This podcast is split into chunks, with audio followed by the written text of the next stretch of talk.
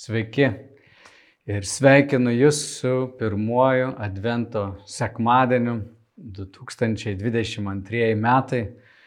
Tradicinės bažnyčios taip pradeda naujuosius metus, skaičiuodamos nuo to laukimo, Kristaus ateimo į šią žemę, jo gimimo paminėjimo.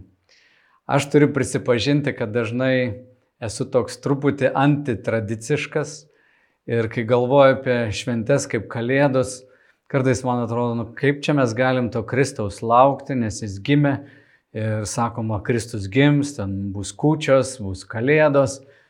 Ir e, aš truputį jaučiuosi taip alergiškas tokiam, kad Kristus ale gims ir mes, na, tarsi vaidinam kažkokį laukimą.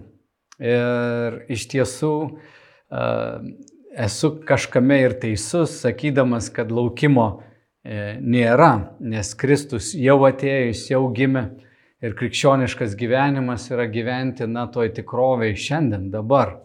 Mūsų apskritai kaip žmonių viena iš problemų yra, kad mes nuolat gyvenam arba ateityje, arba praeitį. Arba prisimindami praeitį, save smerkiam ir galvom, kaip aš vakar pasielgiau, reikėjo dar tą padaryti, to nepadariau arba išgyvenam, jaudinamės dėl rytojaus, kaip viskas bus, ar pavyks, ar išeis, arba įsivaizduojam kažką gražaus ir vėl nusiviliam.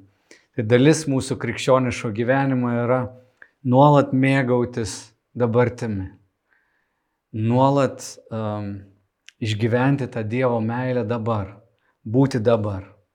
Nes gyvenam mes tik dabar ir rytoj gyvensim tik dabar.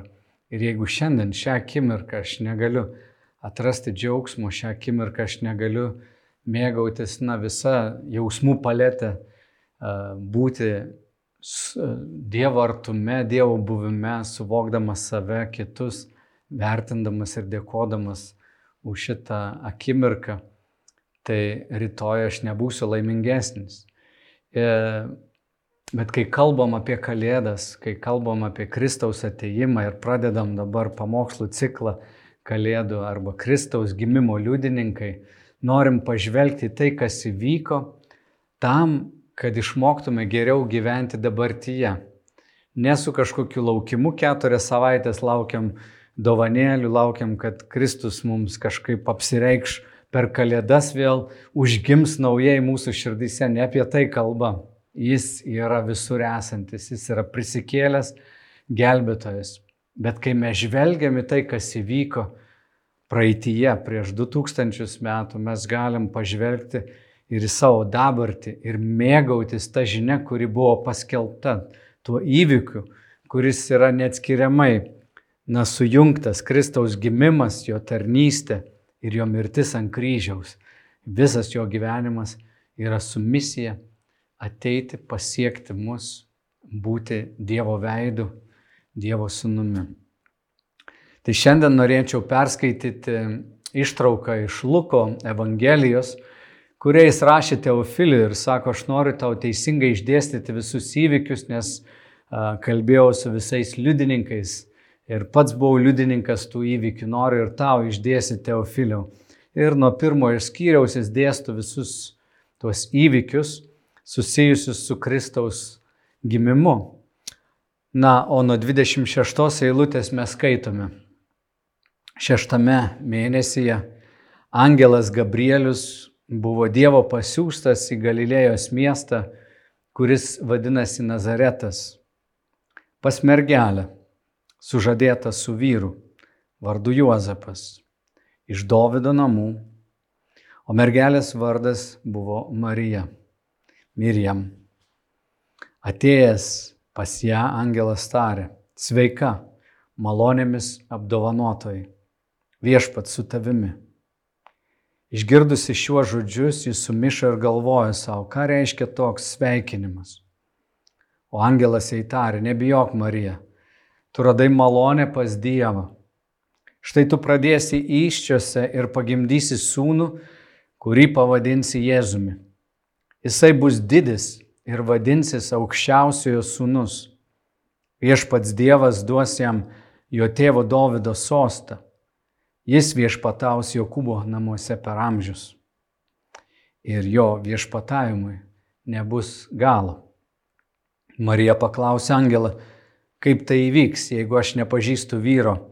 Angelas jai atsakė, šventoji dvasia nužengs ant tavęs ir aukščiausiojo galybė pridengs tave savo šešėliu. Todėl ir tavo kūdikis bus šventas ir vadinamas Dievo sūnumi. Antai tavoji giminaitė Elžbieta pradėjo sūnų senatvėje ir šis mėnuo yra šeštas, tai kuri buvo laikoma nevaisinga, nes Dievui nėra negalimų dalykų. Tada Marija atsakė, štai aš viešpaties tarnaitė, te būna man, kaip tu pasakėjai. Ir angelas pasitraukė. Tris kartus angelas kreipėsi Mariją, tris kartus Marija atsiliepė. Ir kokia yra ta žinia, kokią žinią atneša angelas, ką jis nori pasakyti. Mes tai vadiname Evangelijos žinia arba gerąją naujieną. Ir pirmas dalykas, na, kuris tikrai toks šokiruojantis yra, kad pats aukščiausiasis, pats didžiausias, kuris savo jėgos žodžiu palaiko visą visatą, visas planetas, tapo pačiu mažiausiu, jis tapo tarnu, jis ateina ir gimsta vaikų. Dievas tampa žmogumi. Dievas iš tiesų yra didesnis, nei mes suprantame, nei kada galėsim suvokti. Ir štai tokia žinia. Pats aukščiausiasis ateina pas žmonės, tampa mažutėliu. Jis yra tas, kuris gims iš mergelės. Na, tokią žinią humanistui sunku priimti, nes jį labai reikšminga. Jeigu Dievas tampa žmogumi, ateina pa žmogų, tai yra tokia radikali ir stipri žinia, na, kad humanistui tą sunku priimti, nes verčia priimti ir Kristų kaip patį svarbiausią žmonijoje. Musulmonui, žydui irgi sunku priimti Dievą kurį jie vadina didžiu, didžiausiu, galingiausiu, kaip jis gali ateiti ir tapti toks mažas, kaip jis gali nusižeminti iki žmogaus. Didis Dievas tikrai negali to padaryti. Bet sakyti, kad Dievas yra per didis ir negali to padaryti, ir yra Dievo didybės sumenkinimas. Štai vieną citatą noriu paskaityti, kartą girdėjau šiuos žodžius. Aukštesniojo gale tiek, kiek ji iš tikrųjų yra aukštesnė, gali nusižeminti ir priimti mažesnį. Ir visur, kur didesnis nusileidžia iki mažojo, jo gale tai padaryti ir yra iš esmės jo didybės išbandymas. Didesnis gali tapti mažesniu.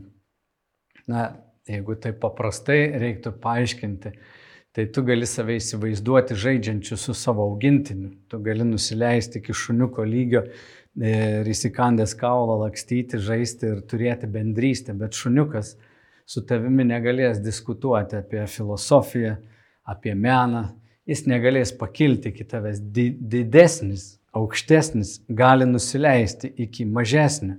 Ir čia pasakyta, kad, na, toks savęs nužeminimas ir prieimimas to mažesniojo ir yra didybės įrodymas. Nes iš kitos pusės mažesnis jis negali taip pakilti iki aukštesniojo. Tai būdamas tu gal, laimingas, tu gali atjausti prislėgtą žmogų, ar ne?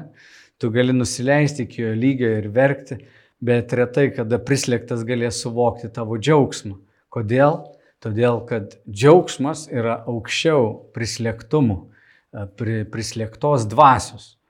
Ir tu gali iš viršaus nusileisti į apačią ir tai yra tas didybės išbandymas ir didybės tarsi įrodymas, kad tu gali žemyn nueiti, bet iš apačios į viršų tu negalėsi nueiti.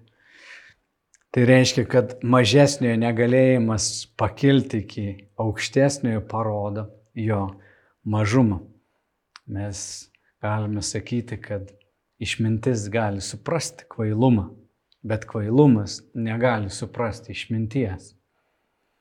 Tai aukščiausiasis pasirinko ateiti pas mažuosius. Jis atėjo patapti tokiu kaip mes, kad mums parodytų, kokia yra didybė, kad mums parodytų, koks yra tėvas. Ir laiškė Hebrajams pasakyta, kad Jėzus nešiojasi visagalio Dievo atvaizdą. Jis yra tas tobulas paveikslas, koks yra Dievas. Taigi ta pirmoji tokia žinutė labai stipri, aukščiausiasis tapo mažiausiai. Laiškė filipiečiams labai gražiai pasakyta, kad Jėzus atsisakė viso šlovės.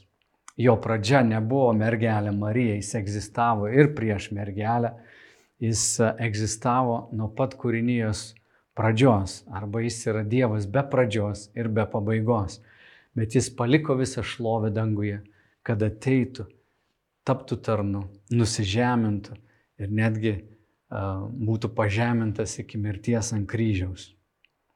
Kitas dalykas, ką mes matome, kokia yra žinia, kad aukščiausiasis ateina pa žmonės, jis mums pasako, kad mes iš tiesų esam labiau nuodėmingi, nei mes įsivaizduojam. Kaip tai galim suprasti? Jeigu Jėzaus ateimas yra dovana, dovana labai daug pasako ir apie gavėją. Duosiu jums pavyzdį, jeigu kas nors artėjančių kalėdų metu ateina ir padovanoja tau knygą 15 būdų, kaip mesti svorį.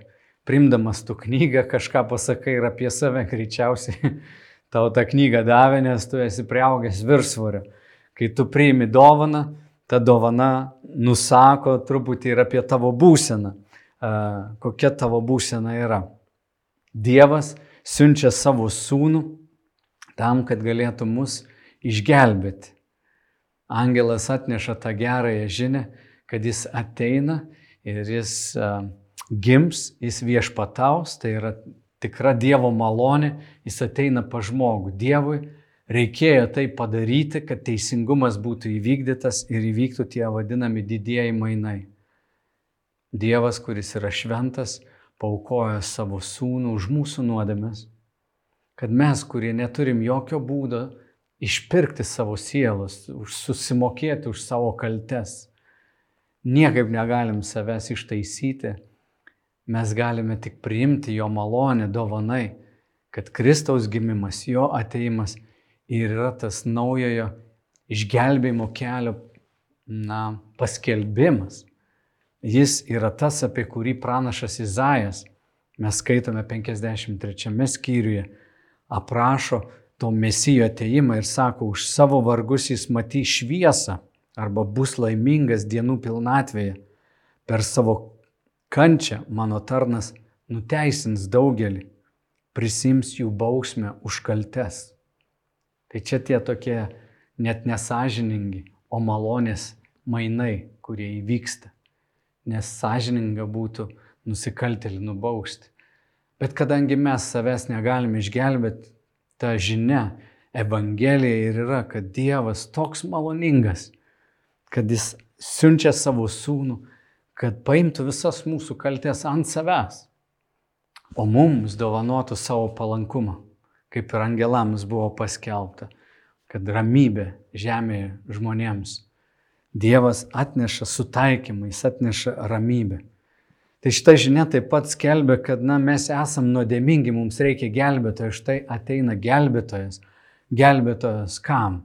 Mums, kad mus ištrauktų iš mūsų pražūties, kad mes galėtumėm stovėti Dievo akivaizdai.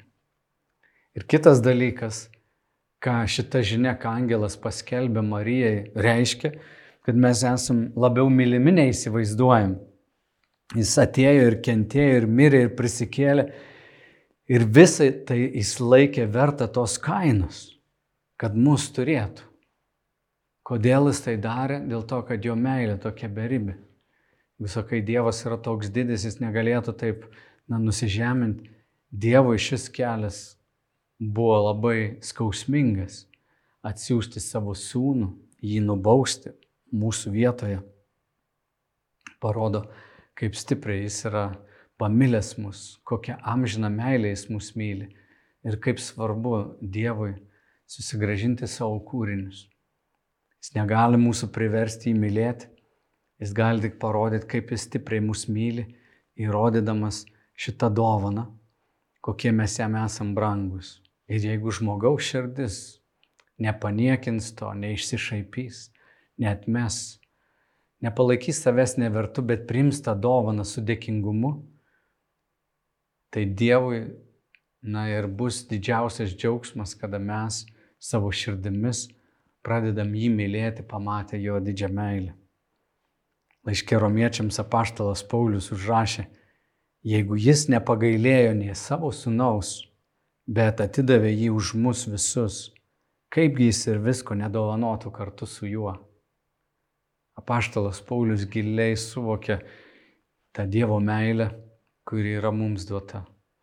Tai kai mes gyvenam pasmerkime ir save tam plakam arba uh, smerkiam, turim žinoti, Dievas yra tas, kuris mus išteisina. Dievas yra tas, kuris yra už mus. Dievas nėra tas, kuris atėjo kaltintis, atėjo gelbėti. Šita žinia yra tokia galinga. Ir tuo pačiu metu be galo, na, net nesuvokiamai tokia slėpininga.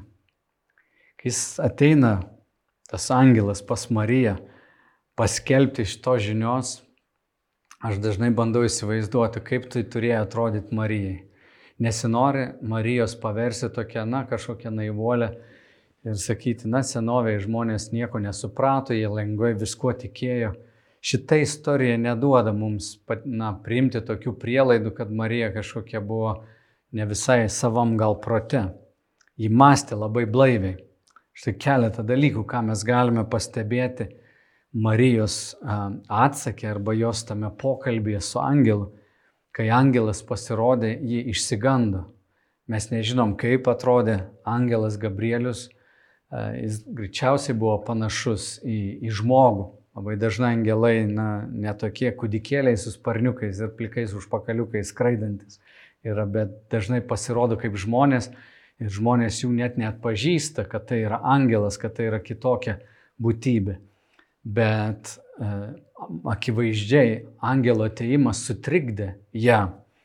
Ir kai jis pradėjo taip kreiptis, tu turi malonę pas Dievą, Dievas atkreipia į tave dėmesį.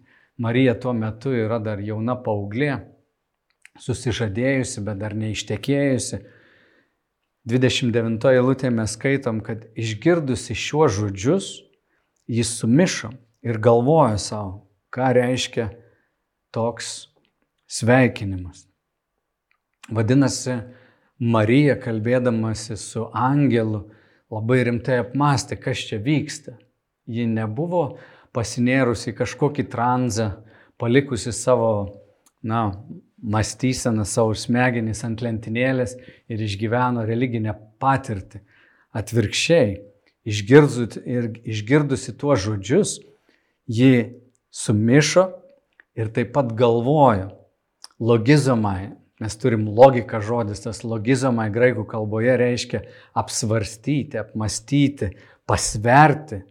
E, žodžiu, ji apmastė visas galimybės, ką tai reiškia, ką tie žodžiai reiškia. Vadinasi, Marija, klausydamasi tų žodžių, bandė viską suvokti, jos smegenis atvirkščiai, nei tranzai įėjo ir kažkur ant lentynėlės nusėdo, bet ji na, visais savo pojūčiais, savo smegenyse vertino tai, ką jį girdi. Ji uh, blaiviai mąstė, taigi jos ta patirtis religinė buvo susijusi su blaiviu mąstymu. Ir aš galvoju, kad tikrai religinė patirtis, net kokia jį bebūtų, kartais transcendentinė, sunkiai suvokiama, kai mes išgyvenam ar kokį regėjimą, ar, ar, ar, ar vizijas, visa tai bažnyčios istorijoje yra vykę, bet tai neturėtų niekada prieštarauti kažkaip protui. Dievo vedimas niekada nėra toks, na, įvesti žmogų į tokią būseną, kur jis turi atsisakyti savo mąstymų.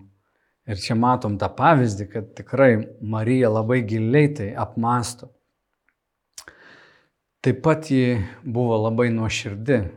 Jos tas pokalbis kai nesuvokia, kai tau sako, gims kūdikis, o jį nepažįsta vyro, jį buvo nuoširdį ir jinai sako, 34 eilutė, kaip tai įvyks, jeigu aš nepažįstu vyro. Jis labai gerai turbūt iš savo giminės, iš savo patirties jau suprato, kaip gimsta vaikai, kad turi įvykti lytinis aktas, kad vaikai ne šiaip savo iš kažkur atsiranda. Ir kadangi ji nebuvo turėjusi lytinių santykių, jos klausimas yra, kaip tai aš dabar gimdysiu. Moteris, jūs turbūt prisimenat uh, akimirką, kai sužinojot, kad laukitės, jūs buvot nustebusios turbūt. Um, kažkas pradėjo vykti kūne jūsų, galbūt pasidalinot su vyru, vyras lygiai taip pat gal nustebo. Tai įsivaizduokit mergaitę, kuri neturėjo lytinių santykių, jai pasakyta, kad tau gims vaikas, tu ruoškis gimdyti. Tai turėjo būti gan rimtas iššūkis, keliais lygmenimis. Ir ji tai apmasto. Ir ji užduoda labai logišką, paprastą klausimą, kaip tai vyks. Aš nepažįstu vyro, aš mergelė. Negali sakyti, kad ji buvo kažkokia primityvi ir kad jos situacija buvo visiškai kitokia nei mes. Senoviai turbūt žmonės daug ko nesuprato, gal net nežino, iš kur vaikai atsiranda. Na, mes taip gal nemastom, bet kartais lengva pamastyti, kad jie, kad tie žmonės prieš keletą tūkstančių metų kažkokie naivuoliai buvo, tiesiog religinėse patirtyse gyveno. Bet jos klausimai mums parodo, kad ji labai praktiškai, logiškai masto, kaip tai turi būti. Bet tuo pačiu norisi pasakyti, kad Marija, kalbėdamasi su angelu, jinai kvestionuoja Dievą, jinai užduoda tos klausimus, o iš tikrųjų kaip tai gali įvykti.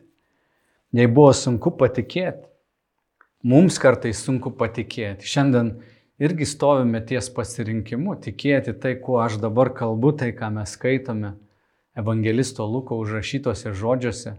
Visi galim rasti savo, na, pasiteisinimų, kodėl tai yra nesąmonė arba kodėl man nereiktų to priimti. Labai lengva taip nustumti, bet rimtas istoriškas žvilgsnis į tai, kas buvo, na, neleidžia mums nurašyti to kaip kažkokios lengvatikybės.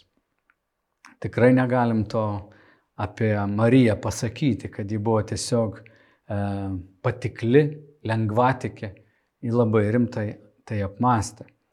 Bet taip pat ji patikėjo, kai jai buvo pasakyta, jog ir jos giminaitė Elžbieta, kuri negalėjo turėti vaikų, laukėsi dabar kūdikio, keletą mėnesių pastojo anksčiau nei Marija, sako, Dievui nėra neįmanomų dalykų. Ir angelas čia perkelė Mariją į kitą lygmenį, kur ne viskas tai, kas vyksta, kas susijęs su tikėjimu, yra paaiškinama arba mūsų protui suvokiama. Šiandien labai daug reiškinių mes nesuvokiam iki galo. Mokslas pradeda kai kuriuos dalykus pažinti giliau, ko niekada anksčiau ne, nepastebėjau. Pavyzdžiui, mūsų visų sąveikos vienas su kitu, kiek stipriai mes susiję, koks yra tų mažiausių dalelių gyvenimas. Daug ko mes negalim paaiškinti. Tikėjimas irgi yra ta kita dimensija, kitas išmatavimas kuriam ne visada rasim paaiškinimą. Laiškė Hebrajams mes skaitom tikėjimo apibūdinimą taip, sako, tikėjimas laiduoja mums tai, ko vilėmės. Yra kažkokia viltis, kuri turi vidinį liudėjimą, kuris apeina mūsų protą. Prasme, tu gali tikėti dalyku, kad tu viliesi amžinuoju gyvenimu, tu turi liudėjimą giluminį kažkokį suvokimą, kad taip ir įvyks Bet tu protu negali visko išaiškinti ir nupasakoti iki detalių, kaip tai turi vykti. Tai, sako, tikėjimas laiduoja mums tai, ko vilėmės ir įrodo tikrovę, kurios nematome. Štai kuo tikėjimas yra paslaptingas ir tik po kažkiek laiko kartais pasimato ta tikrovė, kurią mes matėme jau ilgą laiką. Tas tikėjimo principas veikia netgi pradedant statyti namą. Žmogus pirmiausia patiki, kad gali pastatyti namą, paskui nusipiešia tą namą ant popieriaus, po to pradeda planuotis, vežti visus įrankius, medžiagas. Galiausiai vieną dieną stovi tas namas tokį, kokį jis įsivaizdavo, bet prasidėjo nuo to tikėjimo, nuo, nuo matymo tai, ko aš viliuosi. Tai čia supaprastinu, kad tikėjimas tokiu būdu veikia apskritai mūsų gyvenime. Ir čia, kai Marijai pristatyta šita mintis, kad tau gims sunus, kuris bus vadinamas Dievo sunumi, aukščiausiojo sunumi, kuris paveldės savo tėvo Dovido sostą, tai yra iš jos giminės, Marijos giminės. jisai valdys per amžius ir jis bus karalius, jį pamato tai kaip kokį, na, kaip piešinį. Žodžiais yra nutapomas paveikslas, kas bus. Ir Marija patiki. Ne viską gali paaiškinti, bet jį patiki. Ir šiandien milijardas ar pora milijardų žmonių yra įtikėję Kristumi kaip Dievo sūnumi gyvusiu iš mergelės Marijos, bet ji tai pamatė, ji tai suprato tikėjimu, nebūtinai savo protu. Ir tą tikrovę jinai priėmė kaip jau įvykusi. Tai yra tikėjimas, jinai pagavo tą viltį. Ir trečias dalykas, ką mes matome, ne tik, kad ji buvo na, blaiviai mąstanti, ne tik, kad ji buvo ir labai nuoširdi tame dialoge, kaip ir mes galime kalbėti su Dievu, kvestionuoti, rimtus gyvenimo klausimus, o kodėl tai vyksta, o kaip tai turėtų būti. Bet ir trečias dalykas, ji patikėjusi atsiduoda jo valiai. Ir čia yra, na, labai drasus žingsnis. Jis suvokia, ką jį daro ir jį ištarė 38 eilutėje skaitom, štai aš viešpaties tarnaitė, te būna man kaip tu pasakėjai. Ir kai ji sutiko, tai prieš jos akis tikrai nestovėjo didžiulis, na, toks džiaugsmingas paveikslas.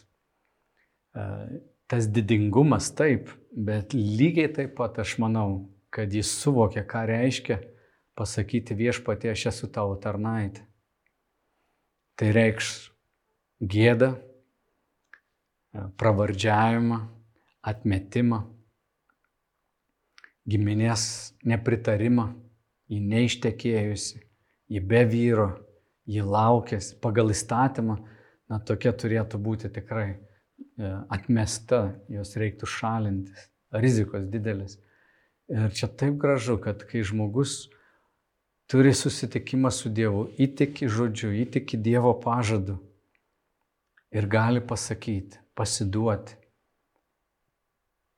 šitai tiesai, šitai naujai tikroviai, kuri netikėtai pas ją atėjo, gali pasakyti, štai aš tavo tarnaitė. Ir gyvenime daugam iš mūsų tenka tą patį pasakyti, štai Dieve, aš tavo tarnas, tebūnė taip, kaip tu nori. Tu viską prižiūri, tu viską valdai. Karaliai yra tavo rankoje, darbdaviai yra tavo rankoje, kaimynai tavo rankoje. Tu viską prižiūri, viską valdai. Čia toks nuostabus mums tarnaitės paveikslas, nuolankumo paveikslas, kada Marija atsiduoda ir sako, te būna taip, kaip tu numatei. Jeigu tau besiklausant, na, kyla mintis atvirkščiai, aš esu savo gyvenimo šeimininkas, aš esu savo likimo kalvis, tai tu gali galbūt netgi kaip krikščionis būdamas gali sakyti, aš turiu savo svajones. Dievas yra Dievas, bet aš noriu štai ką daryti, aš noriu tai daryti. Kartais žmogus labai lengvai pasuka tokiu puikybės ir nepriklausomybės keliu ir paverčia Dievo tarnu. Nori, kad Dievas laimintų jo planus. Tai pasireiškia pykčiu, kai kažkas nevyksta taip, kaip norėtum. Čia Marija priešingai, jinai sako, aš tarnaitė, tu esi šeimininkas, tu esi viešpats, tu esi karalius o aš esu tik tavo nuolanki tarnaitė. Ir toks turėtų būti tikrasis tikėjimo atsakas į visus Dievo pažadus, į Dievo apreikštą valią. Ir netgi tau šiandien galbūt besiklausant to žinios, tu mastai apie kalėdas, tu turi savo gyvenimą, gal tu lauki artėjančių švenčių, bet Kristus, na, nėra tavo gyvenimo viešpats. Šiandien gal tu pirmą kartą apsvarstai, o ką tai reiškia man, ar iš tikrųjų Dievas atėjo tam, kad numirtų už mane, ar tikrai aš jam rūpiu, ar galiu priimti ir tarti kaip Marija, štai aš, tavo tarnaitė, būk mano viešpats. Šis advento laikotarpis yra geras laikas mums visiems staptelti, ištirti savo širdis priimti tą gerąją žinią. Priimti tai, kad tu esi didesnis nusidėjėlis, nei drįsti pripažinti savo ir kitiems, linkęs slėptis. Bet taip pat priimti šitą nuostabią žinią, kad tu esi labiau mylimas, nei tu save myli, nei kiti tave myli. Bet Dievui tu esi toks brangus, kad Dievas nusprendė savo sūnų atsiųsti. Mainais į tavo nuodėmę suteikti tau teisumo dovaną. Priimk jį, sustok, būk dabar, nelauk kalėdų, būk jo akivaizdai dabar ir sakyk, štai aš, tavo tarnas, būk mano viešpats, lydėk mane. Taip pat tiem, kurie esam tikėjami seniai, galbūt, galbūt laikas irgi pasakyti, aš tiek vargau, aš tiek stengiausi, aš tiek ilgai judėjau ir savo planus kūriau Šiandien Dieve pasiduodu tau. Marija yra mums tikrasis Kristaus gimimo liudininkas. Matė Kristų ateinantį arčiausiai, jį nešiojo, skausmą išgyveno, gėdą nesupratimą. Žinom, kad ir pabėgėlė tapo, iš savo šalies turėjo išsikrausti, su mirtim susidūrė. Visa tai pavirto galiausiai didžiuliu džiaugsmu Bet pasidavimas Dievui gali tą akimirką netrodyti toks patrauklus. Gal šiandien tavo gyvenime irgi yra daug tamsos, daug liūdėsių, nusivylimų, bet pavedus savo gyvenimą jam, prieimus šitą nuostabę Dievo dovaną, Gabrieliaus angelo atneštą, Kristaus gimimo jo gyvenimo, mirties ir prisikelimo. Ir šiandien, kuris sėdi tėvo dešinėje ir mus užtarė, kuris yra pasiruošęs dovanoti viską, kad tu galėtum patirti jo meilę ir galėtum jį mylėti. Jam tebūnė garbė ir šlovė visuomet, dabar, per amžius ir amžių amžius. Amen.